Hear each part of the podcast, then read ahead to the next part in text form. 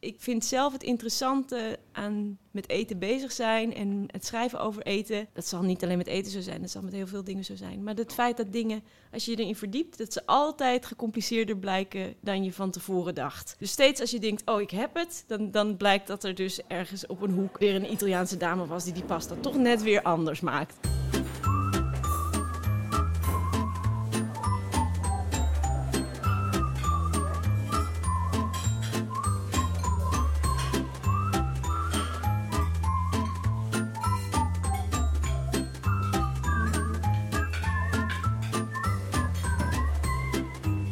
Zijn toe aan de laatste podcast van de reeks eh, De Smaak van Nederland van spruitjes tot sushi. En dat doe ik met niemand minder dan Hiske Verspillen, culinair journalist en culinair recensent. En ik kan eigenlijk ook wel zeggen gevreesd culinair recensent, Hiske? Nou, Ja, als, als een chef je paardenvlees serveert in plaats van gewoon echte biefstuk, dan heb je dat door. En als je rivierkreeftjes krijgt in plaats van kreeft, zoals op de kaart staat, dan, eh, dan krijgen ze het ook te horen. ja, gelukkig wel. Ja, natuurlijk. Ja, Zeker. Maar ik geef bijna altijd goede cijfers. ja. Ter compensatie. Jazeker. Ja, hey, we, hebben het, en we, we hebben het deze hele reeks al over de diversiteit van de Nederlandse eetcultuur. En ik denk dat we wel kunnen concluderen, als we de afgelopen vijf gesprekken of vier gesprekken hebben gehad, dat die diversiteit die lijkt heel nieuw in Nederland, maar dat, dat is niet echt zo. Die, die is eigenlijk altijd al geweest. Ja, zeker. En diversiteit is ook zo'n ingewikkeld woord, hè? Want je hebt natuurlijk ook heel veel... Ja, nou, daar heb je het waarschijnlijk met de andere gasten ook over gehad. Gewoon heel veel invloeden die ook onderdeel worden van de Nederlandse keuken. Ja. Dus is er dan nog sprake van diversiteit? Of heb je gewoon een nieuwe Nederlandse keuken die, die iets nieuws is geworden? En denk, is er, is er eigenlijk een nieuwe Nederlandse keuken? Waarvan je zegt, weet je, dat is de, tij- de keuken van nu en die is Nederlands. Met die invloeden die eigen zijn gemaakt. Goh, wat een moeilijke vraag. Ehm, nou ja, invloeden heb je op allerlei verschillende manieren. Dus je hebt inderdaad invloeden vanuit andere culturen of vanuit buiten de grens. Of van mensen die juist in Nederland zijn gaan wonen en eh, gebruiken van elders hebben meegenomen. Maar je hebt ook te maken met trends bijvoorbeeld. Ehm, kijk, in de jaren negentig eh, keken mensen veel meer naar buiten toe. In die zin van dat je graag werkte met exotische producten. Terwijl er nu veel meer wo- wordt ge- gewerkt juist met lokale producten. Dus je hebt op, op sommige gebieden wordt Nederland misschien wel wat nationalistischer. Of in die zin van het moet allemaal van je eigen dak komen. Of eh, en uit de kleine kratjes van de boer hiernaast. En op andere manieren kijk- kijken ze juist meer naar buiten. Bijvoorbeeld door, eh, wat betreft technieken die gebruikt worden. Of, dus ik vind het altijd heel moeilijk om te zeggen... is er een Nederlandse keuken? Omdat dat van zoveel verschillende dingen afhangt. Ja, en die verandert misschien ook. Hè? Want je zegt eh, in jaren negentig eh, keken mensen heel erg naar, naar over de grens. En nu juist heel erg eh, nationalistisch binnen de eigen gemeenschap, eigen Qua grenzen, ingrediënten. qua ingrediënten. Maar het, als ik dat nu zo hoor, denk ik, oh, dat gaat misschien wel gelijk op met de, het politieke sentiment in het land. Van hoe mensen naar de zaken van buiten kijken en hoe ze naar de eigen cultuur kijken. Ja, dat zou kunnen, dat dat daarmee samenhangt. Ik denk zelf dat het, als je, je hebt natuurlijk ehm, de hogere keukens in dure restaurants en dergelijke en wat mensen thuis koken, die, die werken in zekere zin wel op elkaar in, maar volgen elkaar lang niet altijd. Ehm, maar ik heb zelf het idee dat je kunt bijna door de geschiedenis heen een soort van golfbeweging zien van eh, bijvoorbeeld eh, hoogtechnologische keukens of juist heel erg nou ja, eh, dingen die heel erg uitgaan van bijvoorbeeld de grond en eh, de boeren en Mhm. eh, het, eh, het ehm, nostalgische plattelandleven. Ja. En, en eh, dat, dat gaat vrij goed samen, tenminste dat kun je in de afgelopen tijd wel goed zien met wat er beschikbaar is. Dus dure restaurants, die willen iets eh, exclusiefs eh, laten proeven. En dat was vroeger was dat een ananas, want dat had je bijna nergens. En nu is dat, eh, weet je wel, een, een, een, een ei van je eigen kippen. Of is het iets, iets wat juist van heel dichtbij is. Ja. Dus dat, het gaat dan denk ik meer om wat er beschikbaar is en, en hoe exclusief dat is, dan per se dat dat met, eh, met een politiek idee samenvalt. Ja, ja. En, ehm, en je noemde net al, hè, er is een verschil tussen wat mensen thuis eten en wat je in de restaurants kunt eh, krijgen. En we zitten hier bij de KB Nationale Bibliotheek. Je hebt een ongelooflijk groot eh, arsenaal of, of enorme collectie aan boeken. Historische kookboeken, moderne kookboeken, internationaal, Nederlands, noem het allemaal op. En omdat jij de Nederlandse eetcultuur recenseert, in ieder geval de, de, de, de restaurants, dacht ik dat dit boek misschien wel grappig was. Of in ieder geval toepasselijk is voor jou. Beroemde gerechten uit de wereldkeuken van Wilma Born. Sorry, Winna Born. Het is uit 1970 en ik, ik schuif het je even toe, want dan kun je het ook even inbladeren. Het, het schetst ook wel een, een tijdsbeeld. Het ging maar net goed, het boek viel bijna Ja, van tafel. Snelle reflexen. Ja, ik, moet, ik vind het vooral heel grappig meteen dat het dus... De wereldkeuken, dat is ook inderdaad echt een beetje zo'n jaren zeventig term Ja. natuurlijk. Dus Mhm. eigenlijk alles wat niet Nederlands is, dat is dan de rest van de wereld. En het is ook een heel dun boekje. Ja, Dat zou je denk ik nu niet meer op deze manier tegenkomen. nee.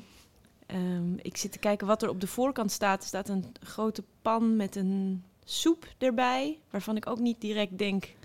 Dat, is, dat ziet er... Heel yummy uit. Ja, Mhm. en, de, en, en echt de jaren zeventig foto's. Ik, ik kijk, ik zie hier ja. een soort kwarteltjes, denk ik dat het zijn. ananas Oh en ja, een één. kersje erop. Eentjes met een ananas en dan zo'n rode, zo'n knalrode kers erop. Ja, Heel prachtig. ja. Het is denk ik ook een stijl die wel weer een beetje terugkomt. Tenminste, je ziet het wel ironisch.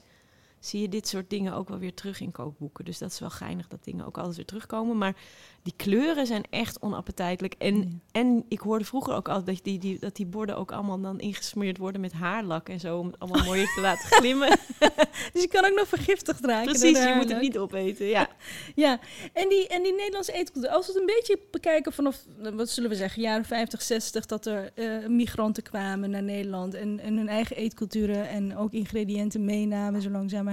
Hoe zou je, hoe zou je hun, de invloed, van- de, de, de, ja, ik vind buitenlands is niet meer echt een woord van nu, maar zeg maar de niet-Nederlandse invloed eh, op de Nederlandse keuken. Hoe zou je die, zou je die kunnen beschrijven of de ontwikkeling ervan? Qua restaurants zeker. Ehm, je, je, je kreeg eh, volgens mij de- bijvoorbeeld de Chinese restaurants zijn een stroming van restaurants die echt, eh, nou ja, echt een successtory zijn geweest, zeg maar, in de Mhm. Nederlandse keuken. En de eerste Chinezen kwamen aan het begin van de 20e eeuw naar Nederland toe. Eh, dus het eerste Chinese restaurant komt volgens mij ook al uit de jaren 20 in, in eh, Rotterdam, meen ik.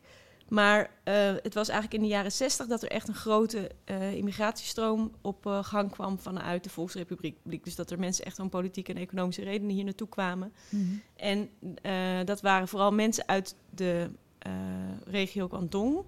En die, die hebben alle, alle nou ja, zoals wij die hier nog steeds kennen, Chinees-Indische restaurants eh, geopend. En de, en de Chinees-Indische restaurants zijn echt een heel interessant voorbeeld van, van, eh, van nou goed, invloed op het Nederlandse landschap. Omdat het niet alleen een eerste echt succesvolle buitenlandse restauranttak was, maar het was ook voor heel veel mensen de eerste keer dat ze daadwerkelijk uit eten gingen. Dus heel veel mensen gingen nooit naar een restaurant, totdat je dus in alle dorpen Chinees-Indische restaurants kreeg. En mensen daar dus voor het eerst buiten de deur gingen eten. Dus dat is een hele grote invloed geweest. En ook een hele interessante, want de Chinees-Indische keuken is echt een Nederlandse uitvinding. Dus dan, is ook weer als je het dan hebt over diversiteit. Het is niet iets wat bestaat in China. Hm. De mensen die, die vanuit die provincie eh, rondom Hongkong dan hier naartoe kwamen, die kookten Kantonees. Dat is een hele specifieke Chinese keuken die zoetig is en heel verfijnd. Hele bijzondere, ja, echt, echt een, eh, een hele delicate keuken. Die kwamen hier koken, maar van, van na de oorlog kwamen veel mensen terug vanuit de oude kolonie, vanuit Ja. Indonesië. En die hadden daar eh, Indisch eten gegeten en die wilden dat hier ook weer eten. Dus de Chinese mensen die hier naartoe kwamen, die dachten, nou, dat gaan we dan mengen tot een soort van hybride. Ja. Het werd wat minder heet, de, het werd wat vetter. En er kwamen dus inderdaad Indische gerechten bij, die op zichzelf vaak ook al niet echt Indonesisch waren, maar weer een, een soort van mengkeuken waren. En vervolgens heb je dus een type restaurant en een hele type keuken, Chinees-Indische keuken, die nergens anders op de wereld bestaat. En wat ik altijd zo interessant vind, er zijn ontzettend veel mensen in die tijd vanuit China naar overal op de wereld toegegaan. En je vindt ook in bijna ieder land, van Italië tot Peru tot Zweden, een soort unieke hybride keuken van datzelfde land met de Chinese keuken. En die Ja. is overal ook weer anders. Dat is prachtig. Ja. Dus de, nou ja, goed, dat is ook wat ik bedoel met dat ik diversiteit dus lastig vind, omdat het dus ook nieuwe, nieuwe, nieuwe dingen zijn Ja. binnen een cultuur. Ja, het is geen statisch iets. Het is iets wat constant in beweging is en groeit en verkleint of groter wordt. Ja, of- en elkaar beïnvloedt Ja. en weer dingen van elkaar pakt en dingen teruggeeft. En dus dat is, eh, dat is interessant. Ja, en ik denk als, als je zegt van eh, nieuwe dingen eh, teruggeeft of pakt, dan is dat denk ik ook van toepassing op je allereerste kookboek dat je had. Dat je kreeg, of dat je kocht. Ja, kreeg eh, voor Ja. Sinterklaas, meen ik. Ik heb hem bij me. Ja. Het is eh, volgens mij het tweede boek van Jamie Oliver. Het heet Happy Days met de Naked Chef. En het komt volgens mij uit 2001. En hij is getekend door de tijd, zie ik. Ja, zeker. Ja, hij is echt helemaal kapot. Er zat ooit een, ehm, hoe noem je dat, een kaft omheen, maar die is echt long gone. Dus Ja. die leuke snuit van Jamie, die zien we al lang niet meer. Het is een blauw boek. De, de hele rug hangt los. Ja. En er zit ook een prachtige eh, soort van brandvlek op, waaraan je kunt zien dat ik hem een keer op een eh, gasfornuis heb laten liggen dat nog aanstond. ja. Nee, het is in ieder geval bewijs dat je hem goed gebruikt hebt. Precies, ja. Ik denk dat ik echt alles hier uitgekookt heb. Want wij hadden thuis wel wat kookboeken, maar dit was het eerste kookboek dat echt voor mij was. Dat, echt van, dat ik echt zelf gekregen had. Eh, samen met mijn eerste echte koksmes. Ik was toen net begonnen met, eh, met werken in de keuken. Hmm. En ehm, er stonden zoveel dingen in die ik niet kende. Eh, niet alleen omdat er echt restaurantgerechten in staan. Dus, dus dingen waarvan ik de bereiding gewoon niet ken en die wij thuis niet aten. Maar bijvoorbeeld ook een van de leuke, leukste gerechten die ik hier echt heel veel uitgekookt heb, is, is een recept voor curry. En curry is natuurlijk in Nederland niet een heel gebruikelijk gerecht. In ieder geval toen niet. Je hebt wel wat I- Indiase restaurants, maar niet zoveel. Ja. Maar in Engeland is dat vanuit hun koloniale geschiedenis Nationaal gerecht. een nationaal gerecht. ja. En voor mij, er staat het, ik slaat even open. Mijn favoriete currysaus heet het. Deze curry zul je vast lekker vinden. Eh, en het was voor mij echt een verrassing, want ik wist dat helemaal ook niet. Ik dacht, ja, we hebben thuis curry. We aten wel eens kip met curry of aten wel eens kool met curry en rozijnen. En ik dacht, curry, dat is gewoon geel poeder. Dat zit in een potje. Ja. Het zal wel ergens van gemaakt zijn, ik weet het niet. En dit was eigenlijk het eerste eh, gerecht, omdat daar gaat mosterdzaad in en fenugreek en eh, groene pepers en curryblaadjes. En dan denk je ineens, oh nee, het is niet één ding, het zijn allerlei verschillende dingen. Ja. En, en ehm, ik weet niet of Jamie Oliver nu nog zo snel gewoon zou zeggen mijn curryrecept in een boek. Omdat, nou ja, dit is ook twintig jaar geleden. En nu zouden mensen misschien zeggen, nou ja, jouw curryrecept, dat is helemaal niet jouw keuken of dat Ja. is helemaal niet jouw curry. Ja. Terwijl voor mij was het echt een eh, soort hele mooie, nou ja, soort gateway drug noemen ze dat dan, hè? Mhm. Voor, om, voor, om, om te bedenken, oh nee, het is eigenlijk iets heel gecompliceerds en het is eigenlijk iets heel interessants. En als je dan vervolgens verder, verder gaat kijken, dan zie je dat die hele Indiase keuken natuurlijk veel verder gaat dan alleen maar curry. Ik bedoel, daar hebben ze ook in elke provincie weer iets heel anders. In het zuiden hebben ze helemaal geen curry, daar eten ze weer hele andere dingen. Ja. Dus het, ik vind zelf het interessante aan met eten bezig zijn en het schrijven over eten. Dat zal niet alleen met eten zo zijn, dat zal met heel veel dingen zo zijn. Maar het feit dat dingen, als je je erin verdiept, dat ze altijd gecompliceerder blijken dan je van tevoren dacht. Dus steeds als je denkt, oh ik heb het, dan, dan blijkt dat er dus ergens op een hoek weer een Italiaanse dame was die die pasta toch net weer anders maakt, weet je wel? Dat, dat, ehm, nou misschien is dat dan, als je het over diversiteit hebt, misschien is dat dan wat ik, wat ik ermee bedoel. Dus het feit dat het steeds verder kan versnipperen. En het hoeft niet, die diversiteit kan binnen dezelfde gemeenschap natuurlijk. Ik bedoel, het is niet alleen maar van buiten de gemeenschap, Tuurlijk. maar binnen de gemeenschap, tussen buren, in families. Absoluut. Dat het gewoon anders is. En ik bedoel, het is een heel groot concept. En je noemde het net al, eh, Jamie Oliver, een witte Brit, die jou introduceert in de Indiase curry. Mhm. En eh, dat was toen volstrekt normaal. Ja. Ehm, nu zou dat inderdaad tot ehm, nou ja, wat je ophef zou noemen leiden, denk ik. Want het hele idee dat. En ik denk dat het wel echt een scheiding is tussen het Westen en het niet-Westen. Dat Westerse chefs of eh, bedrijven eh, gerechten gebruiken uit andere culturen en zich dat toe-eigenen. Mhm. Dus het hele, het hele onderwerp van culturele toe-eigening, dat is een, een lastig onderwerp, denk ik. Ja, het is een heel ingewikkeld onderwerp. En Ja. ook eh, de. ehm, Ik heb ook het idee dat de term misschien een beetje vergiftigd is of zo. Omdat Mhm. alles g- snel heel erg gepolariseerd wordt. En dan mensen dan aan de ene kant zeggen... ja, maar mag ik dan thuis als witte Nederlander nooit meer couscous maken Ja. of zo? Of, of, eh, terwijl, ja, ik weet het niet. Ik, ik ben er zelf ook nog niet helemaal uit. Want ik krijg het onderwerp niet heel goed omcirkeld. Maar ik heb zelf het idee, het is niet één ding. Het is meer een soort platform waarop je kunt praten over... hey, over machtsverschillen of over verschillen in inkomen. Over als er iets uit een bepaalde cultuur komt, wie verdient daar dan geld mee? Ja. Ehm, eh, hoe komt het dat, dat ik bijvoorbeeld eh, curry leerde maken van Jamie Oliver? Ja, omdat ik helemaal geen Indiase mensen kende die dat, die dat maakten. Weet je wel, hoe komt het dat ik eerder curry leerde maken dan dat ik ooit roti at bijvoorbeeld? Ja. Nou, dat heeft te maken met het feit dat ik in een hele witte omgeving ben opgegroeid. Dus het, het is niet één ding waarbij je mensen moet vertellen wat ze wel en niet mogen doen of waar ze wel en niet. Maar ik, heb, ik zie het wel echt meer als, en ik vind het een beetje een kutwoord, maar gewoon als een soort bewustwordingsproces van Ja. het feit dat ook dat co- gecompliceerder is Ja. dan alleen maar het eerste wat je ziet. Ja. Maar die curry stond in dat Jamie Oliver boek, maar ik heb bijvoorbeeld uit dit boek, in dit boek staat ook een recept voor spaghetti carbonara Ja. met slagroom erin, waar, waar dus Italianen ook heel erg kwaad om worden. Dus Ja. Ik denk dat er op dit moment dat je dat soort dingen op, misschien op een andere manier zou opschrijven. Ja. Maar volgens mij is er precies niemand die zegt dat ik thuis geen curry mag maken. Nee, dat zou het zijn, toch? Ja, precies. Ja, Nee, en ik denk misschien is het ook... Het is ook... Bedoel, de, de wereld is natuurlijk... Er is, de media zijn natuurlijk enorm ontploft. Je hebt sociale media, internet. eh, dat is, de- mensen hebben daar, daartoe toegang.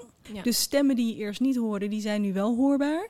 Eh, mensen die eerst geen platform hadden, hebben dat nu wel. En dat geldt natuurlijk ook dus voor mensen die uit culturen komen... die steeds altijd een soort van veronachtzaamd zijn. Zeker. Dus het is ook een kwestie misschien van... maar nu mogen wij ook. Ja, Ehm, zeker. Ja, ja. en, en terecht natuurlijk, Mhm. jemig. Ja. Maar en daarnaast, ik denk dat het ook echt zo is. Kijk, eh, als iets op een bepaalde manier wordt gedaan in een cultuur, dan is dat echt niet voor niks. Dan is dat omdat heel veel mensen dat heel lekker vinden. Weet je wel, als ze in Marokko en Tunesië al weet ik veel hoe lang hun couscous stomen, ja. dan is dat echt niet omdat ze te dom zijn om te bedenken dat je ze ook kan wellen. Nee, dat is gewoon omdat het veel lekkerder is. Ja. Dus En je het voelt is, het en je proeft het. De korrels zijn lichter, luchtiger. het is gewoon iets heel anders. Ja. Het is gewoon iets totaal anders. Ja.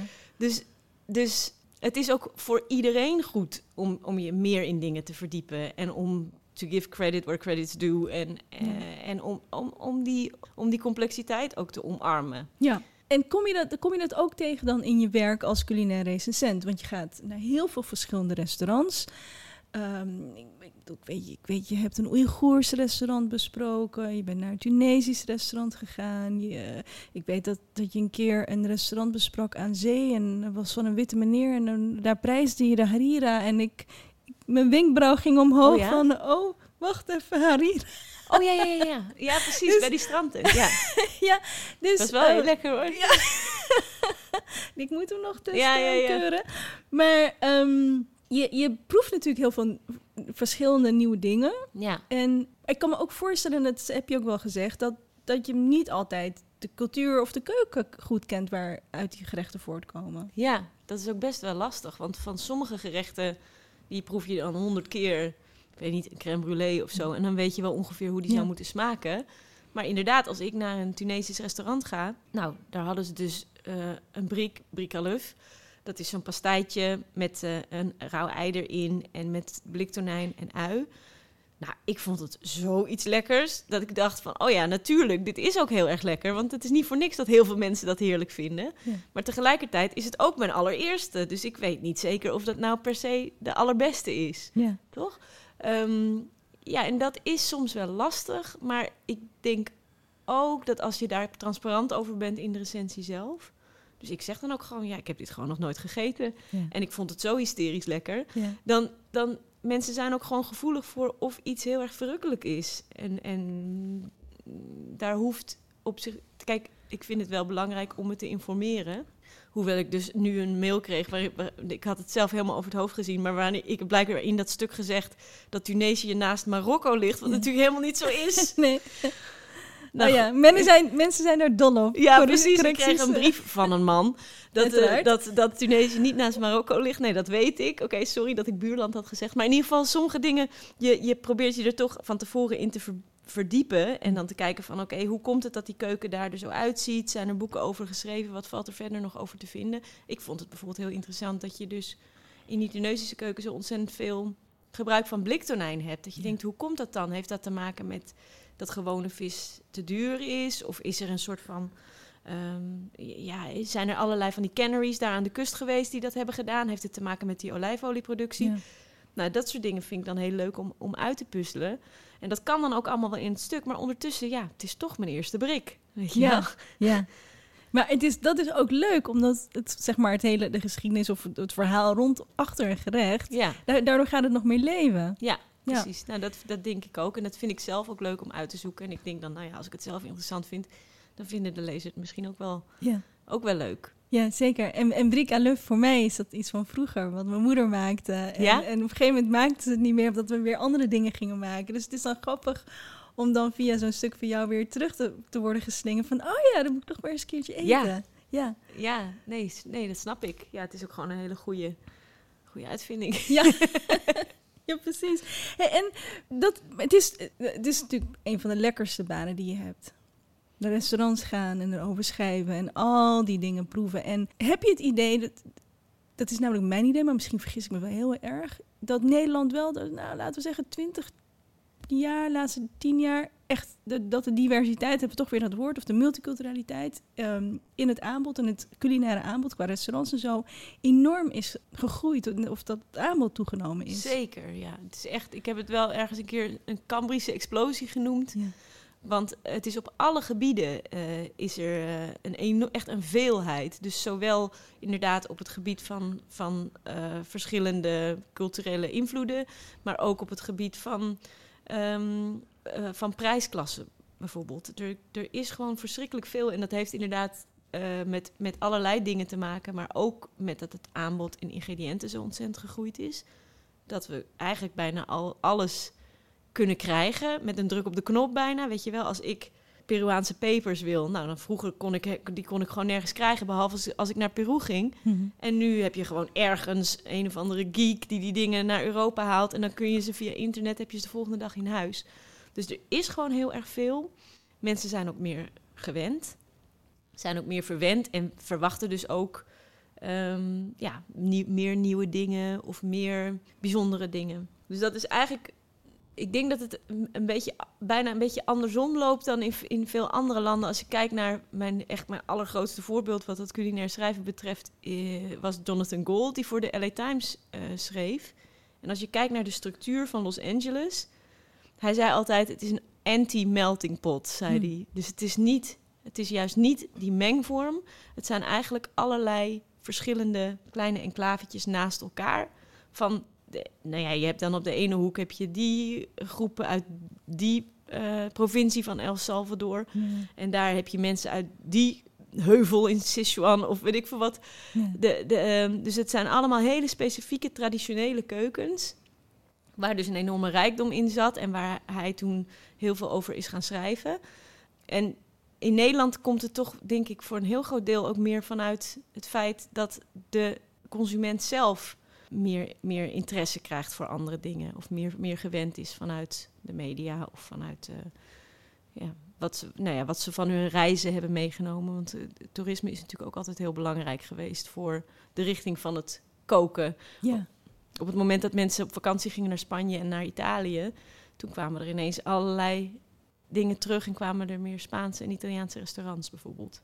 Heb je ook het idee dat, ehm, dat kwam dan door toerisme zo, dat, dat, eh, dat de, de wereld van de gastronomie ook gewoon heel veel populairder is geworden. Een soort, ehm, soort misschien een laagje glamour ook heeft gekregen, waardoor ook de biculturele Nederlanders in Nederland ehm, veel meer ook voor het culinaire kiezen. Als ik kijk naar de boeken die zijn verschenen de laatste tijd van biculturele Nederlanders, Peru, India, eh, Thailand, noem het allemaal maar op. Ja, dat denk ik wel. Ik, ehm, of, een laagje glam, of daar een laagje glamour overheen ligt. Nee, dat weet ik eigenlijk niet of dat met glamour te maken heeft. Ik Ja, denk misschien wel dat is het, glamour niet het... Sorry, zeg maar. Nou ja, ik denk wel dat er gewoon eh, ook vanuit bepaalde groepen wel interesse is in verdieping. Eh, of dat nou, ik bedoel, ik vind het woord authenticiteit ook altijd een beetje lastig.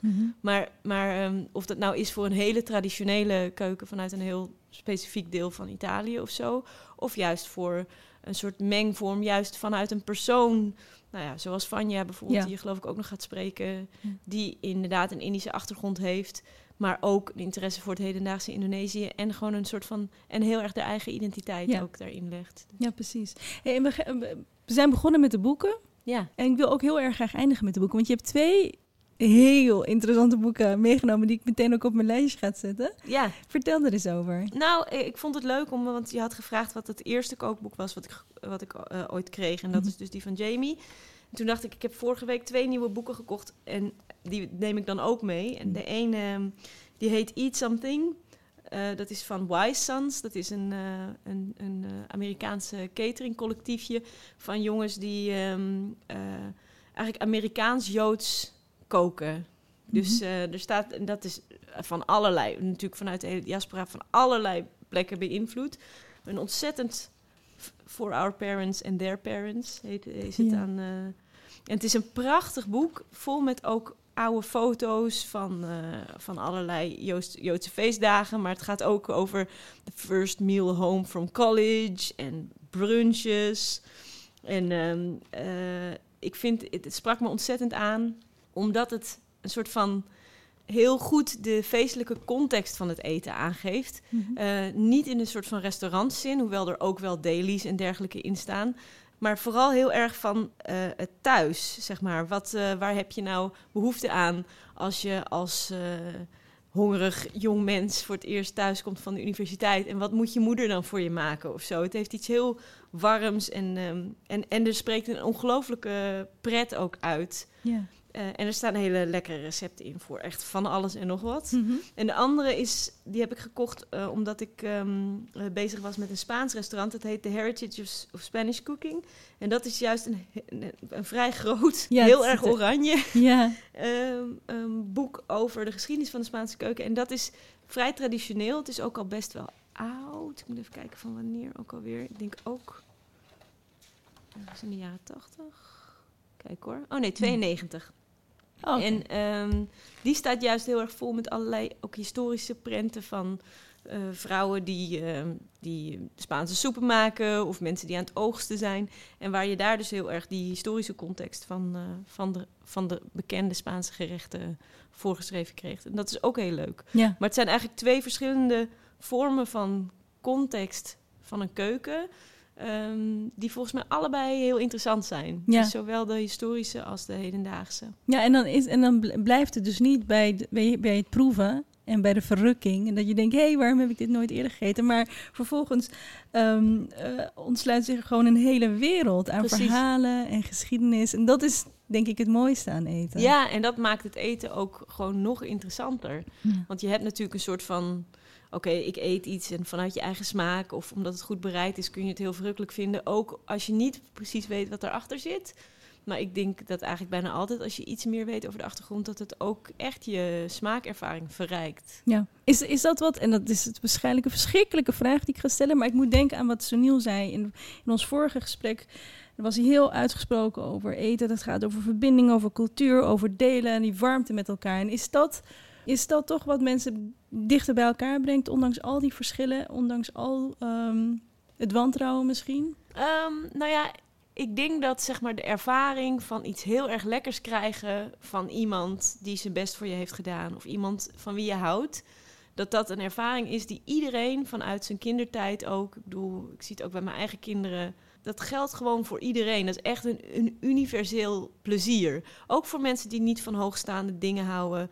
Eh, ook voor mensen die, die eh, misschien eten vooral brandstof vinden. Iedereen kent het gevoel van je krijgt iets heel erg lekkers en je geniet er ontzettend van. Los van de context en dat soort dingen. Dus dat, is, dat lijkt mij, dat is echt een soort van menselijke ervaring die, die inderdaad, die ook als je daarop wijst, kan dat zeker mensen dichter bij elkaar brengen. Ja, want hoe moeilijk mensen ook verschillen vinden, op het bord vinden ze dat niet zo heel erg, hè? Ja. Ja, terwijl ik het ook soms een beetje een dooddoener vind. Zo van, och, we, we, we- ik vind het ook, soms, want ik zeg het net zelf, maar ik vind het toch ook een beetje lastig dat ik denk van, ja, maar ondertussen heb je natuurlijk een wereld waarin je Ja. te maken hebt met structurele ongelijkheid en met allerlei lastige dingen en seksisme en weet ik veel wat. Ah! Ehm, dus het is ook alleen maar zeggen van, ah ja, maar het is maar eten. Iedereen geniet toch van eten. Je, moet het, je kunt het ook niet als dooddoener Nee. gebruiken. Nee. Maar het is, het is natuurlijk ehm, het is natuurlijk wel zo en het is een, misschien een beginpunt. Ja. Nou, laten we ons dan vasthouden aan dat beginpunt. Ja, En dat was hopelijk deze podcastreeks ook. De smaak van eh, Nederland van spruitjes tot sushi. Hiske, heel erg bedankt. ja. En u ook heel erg bedankt. En eh, wij verheugen ons op de creaties eh, die we straks mogen beoordelen. heel erg. Ja, dankjewel.